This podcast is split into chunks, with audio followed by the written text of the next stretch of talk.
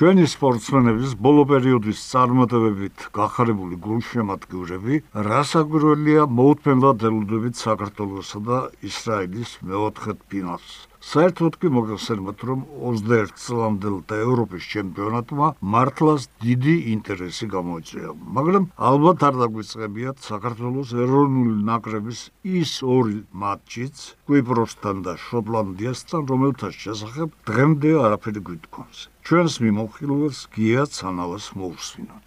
მივესალმები ჩვენს რადიო მსმენელებს და მე ვფიქრობ სალაპარაკო დაგვიგროვდა იქიდან გამომდინარე რომ ორი შეხვედრა ეროვნულმა ნაკრებმა პირველმა ნაკრებმა ჩაატარა და გარიშები ვიცით კვიპროსში გავიმარჯვეთ შოტლანდიაში დავმარცხდით. ნუ ორ სიტყვას ვიტყვი ამ თამაშებზე. კვიპროს შესაძლებელი ეტაპი აქ ფულებს განსაკუთრებული მნიშვნელობა აქვს და ვფიქრობ, რომ თამაშის ხარისხი ვერ იყო იმ დონის, მაგრამ შედეგი მისაღები აუცილებლად და კვიპროსის სამი ქულა ძალიან წაგვადგება მოვალში და თუ არ გავითვალისწინებთ ისევ და ისევ თამაშის ხარისხი შეიძლება ითქვას, რომ დადებითი შედეგია. ჩვენთვის, რა თქმა უნდა, იმიტომ რომ სამი ქულა სამი ქულა დაჩეხება შოტლანდიის თამაშს. მე ეჭვებარება რომელიმე ნაკრებს გამოეთქვა სურვილი იმ მინდორზე თამაშისა, იმ მოედანზე, რაც ხდებოდა. მე არ მეყვარს ჩვენი ნაკრების კრიტიკა, იმდენად მიგვაჩვია ჩვენმა ბიჭებმა კაი თამაშს, რომ მე არ ამგონია რომ თვითონაც კმაყოფილი იყვნენ ამ თამაშით, ამიტომ რომ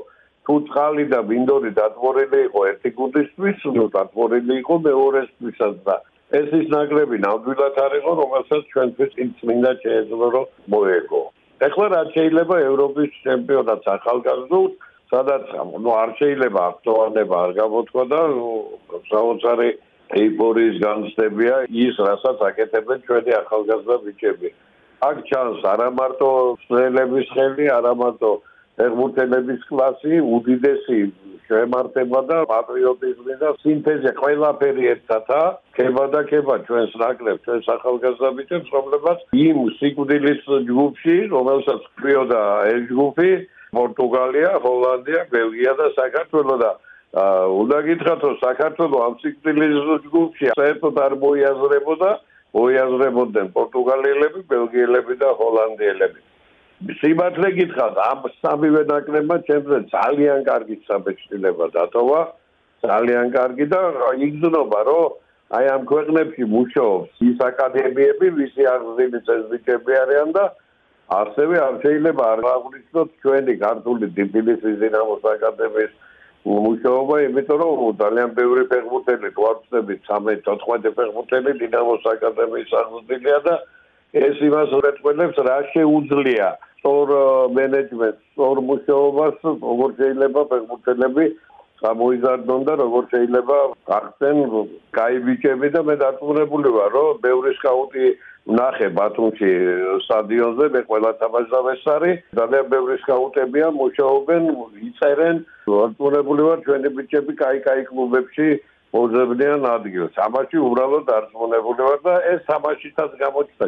ის თამაშები რომელიც ჩატარდა, გავედით ახლა ჩვენ ისრაელზე, რომელმაც ჩეხებს მოუგო, ჩეხების თამაში მე ვნახე, ორთავე თამაში ბათუმში და უნდა გითხრათ, რომ ძალიან კაი საბეჭდილება დატოვა სამი თამაში. ძალიან კაი საბეჭდილება დატოვა ჩეხებმა და სიმართლე გითხრათ, არც ველოდი, რომ ისრაელი მოახერხებდა ჩეხების დამარცხებას, მაგრამ ხო ისრაელის თამაში სიმართლე გითხრათ, არ მინახავს, მაგრამ ჩანს რომ კაი გუნდია და რა ხანდა აქამდე მოვიდნენ, ისინი არაფერს დათმობენ და ურავის ეგონება რომ რახან ისრაელია ჩვენ იოლიკა შეიძლება გვექნება და ეს იქნება ურთულესი თამაში ჩვენთვის მაგრამ მე მგენა რომ ის საოცრად ჩემტევი кай ფეხბურთი რაც ასე თუ ისე ვერ გამოგვივიდა ნაწილობრივ რა თქმა უნდა იმ ფავორიტ გუნდებთან მე ვფიქრობ რომ ისრაელთან ჩვენ ეს უნდა შევძლოთ და უფრო ხელფეხ გახსნილი უნდა მოვახერხოთ ის რომ ჩვენ ისრაელი აუცილებლად უნდა გამოვთიშოთ ამ კატამაშებიდან და დავიძრათ იქეთ რახევარ ფინალისკენ, როცა თორდა უფრო დიდი შემართება და უფრო დიდი ბონდობება და პროფესიონალიზმი გვართებს. ამიტომ ახლა იწყება ყველაფერი ჩვენთვის. იმის გავლის შემდეგ, რაც ჩვენ მოვახერხეთ და გავიარეთ, ახლა 1000-ჯერ უფრო მეტი პასუხისგებლობა და მონდობება გვართებს და მე დარწმუნებული ვარ, ქართულ გულშემატკივრებთან ერთად, რომელიც ასე ეხმარება ჩვენს გუნდს და მართლაც საოცარი ალბათ უპრეცედენტო ახალგაზრდულ ჩემპიონატებში ასეთი დასწრება, რა ვიცი, მეგონი UEFA-საც არ ახლდა, ეს არის ძალიან სასიხარულო და ძალიან დიდი ჩვენი აღიარება იმ თვალსაზრისით, რომ ქართველებს ფეხბურთი გვიყვარს და ქართველები ფეხბურთით ცხოვრობენ. ყველაფერი და ყველა ღონე საქართველოს ჩვენს პროფესიონალ ბიჭებს, რომლებიც ასე ახალგაზრდა ასაკში დაალას ენერგიას და რა ვიცი, არაფერს იცურებენ და საოცრად კარგად თამაშობენ და წარმატება ქართველ ახალგაზრდა ფეხბურთელებს ამჯერად და ერთმა ერთმანეთისთვის ყველაფერი კაი მოვალოჩინოს. კარგად გძანდებოდეთ, დიდი მადლობა. წინა კვირას ჩვენ არ შევხვდრივართ ერთმანეთს და ამიტომ იმ დღეების ამბებით დავიწყეთ. შეგახსენებთ, რომ ევრო 2024-ის საკვალიფიკაციო მატჩები სექტემბრიდან განახდება 21 წლამდელთა ევროპის ჩემპიონატის ფინალური მატჩი 8 ივლისს ბათუმში გამართება. დღეს კი ყველა ელოდება საქართველოსა და ისრაელის მეოთხე ფინალს, რომელიც ბორის ბაიჯაძის სტადიონზე საღამოს 8 საათზე დაიწყება. ახლა ისევ წინა კვირას დაუბრუნდეთ. ფარიკაობის ამბებს გაგვიზიარებს თბილისის საფარიკაო აკადემიის ერთ-ერთი დამაარსებელი საერთაშორისო კატეგორიის მსაჯი დავით სახვაძე. მოგესალმებით პატსემნო რადიოსანელებო, დიდი მადლობა მოწვევისთვის. როგორც მოგეხსენებათ, პოლონეთის ქალაქ კრაკოვში მიმდინარეობს ევროპის მესამე სპორტული თამაშები, იგივე ევროპული ოლიმპიადა. სადაც ქართველმა მოფარიკავემ სანდრო ბაზაძემ რამდენიმე დღის წინ ევროპული თამაშების ჩემპიონის წოდება მოიპოვა. დაახლოებით ერთი კვირის წინ ბულგარეთის ქალაქ პლოდივში ჩატარდა ევროპის ჩემპიონატი ფარიკაობაში და იქაც სანდრომ მეორედ დაამტკიცა რომ საუკეთესო სპორტსმენია მსოფლიოსი და ევროპის ჩემპიონის ტიტული მეორედ მოიპოვა. ღონისძიება ჩვენთვის ძალიან მნიშვნელოვანი გახდათ. ევროპის თამაშების წინა დღეს ჩატარდა ევროპის ფარიკაობის კონფედერაციის ყრილობა, სადაც რამდენიმე ისეთი საკითხი გადიოდა და მემზადებით უკვე დაიშალ ჩატარდება არჩევითი ყრილობა. სანდროს გარდა ღონისძიებაში 15 ქართველი სპორტსმენი მონაწილეობს კიდევ და სამწუხაროდ პირად შეჯიბში სანდროს ნაირი შედეგი ვერცერთმა ვერ აჩვენა. ბასასთან დაკავშირებით ორი სიტყვით ბასა ემზადება ორში ქალაქ ჯუმრიში საერთაშორისო ტურნირში ახალგაზრდებში ბავშვებში მოზარდთა შორის მიიღებს მონაწილეობას და ბასას შვიდი აღსაზრდელი მიემგზავრება აღნიშნულ ტურნირში მონაწილეობის მისაღებად სანდრო ბაზაძე ემზადება მსოფლიო ჩემპიონატისთვის რომელიც 22-27 ივლისს უკვე მილანში ჩატარდება და იმედია რომ იქ თავის სიტყვას ისე ისე ვიტყვის და კიდევ ერთხელ დაამტკიცებს რომ ის ნამდვილად ნომერი პირველი მოფარიკავია მსოფლიოში. აი ეს ორი სიტყვით თუ კი რაიმე შეიძლება რომ მე თქვა თქვენთვის და მე მეყოლა დიდი მადლობა კიდევ ერთხელ მოწვევისთვის ნახვამდის. ძიუდოზე კარგახანი არ გვისაუბრია. ჩვენი მიმოხილველი სპორტული ჟურნალისტი ძიუდოს საერთაშორისო ფედერაციის კომენტატორი გიორგი ჯანიშვილი ხანგრძლივ მიულინებაში იმყოფებოდა სხვადასხვა ქვეყანაში ტრადიციული ტურნირების გასაშუქებლად. უნივერსალები სპორტის გულშემატკივარს, განსაკუთრებით ამ შემთხვევაში ძიუდოს მოყვარულებს ივნისის თვე გამოდგა ძალიან დატვირთული. დიდ ტურნირებზე ჩვენმა გუნდმა არ მიიღო მონაწილეობა. ეს იმიტომ რომ სოფლიო ჩემპიონატის შემდეგ რომელიც მაისის თვეში გამართა იმდენად დიდი შედეგი იყო იქ რომ ლიდერებმა დაისვენეს და ასევე შანსი მიეცათ ახალგაზრდა სპორტსმენებს ასე რომ ივნისი ერთგვარი გადახალისებული შემოგვიელობით იასვანესა ჩვენმა გუნდმა სოფლიო ტურნირებში. სამი ტურნირი გამართა ერთგვარი აზიური ტურნე იყო. შეიძლება ასე დავარქვათ კიდეც ივნისის პერიოდს რადგან აზიის სამ ქვეყანაში გამართა სოფლიო ტური.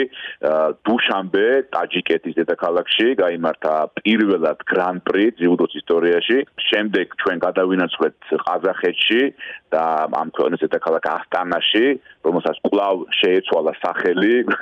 იცის გულშემატკივრმა ნურსულთანი ერქვა აი ამ ქალაქს წრების მანძილზე თუმცა კლავ დაუბრუნდა ძველი სახელი გახდა ასტანა და იქ გამართა ყაზახეთის დიდი სლემი, გრან-სლემი და ივნისის ბოლო ტურნირი, ანუ აზიური ტურნეს გვირგვინი ასე თქვა, მონღოლეთი საკმაოდ საინტერესო ქვეყანაა ბევრი კუთხით და ულანბატორის გრანდსლემი სადაც ასე ვთქვათ დასრულდა აზიური ტურნე.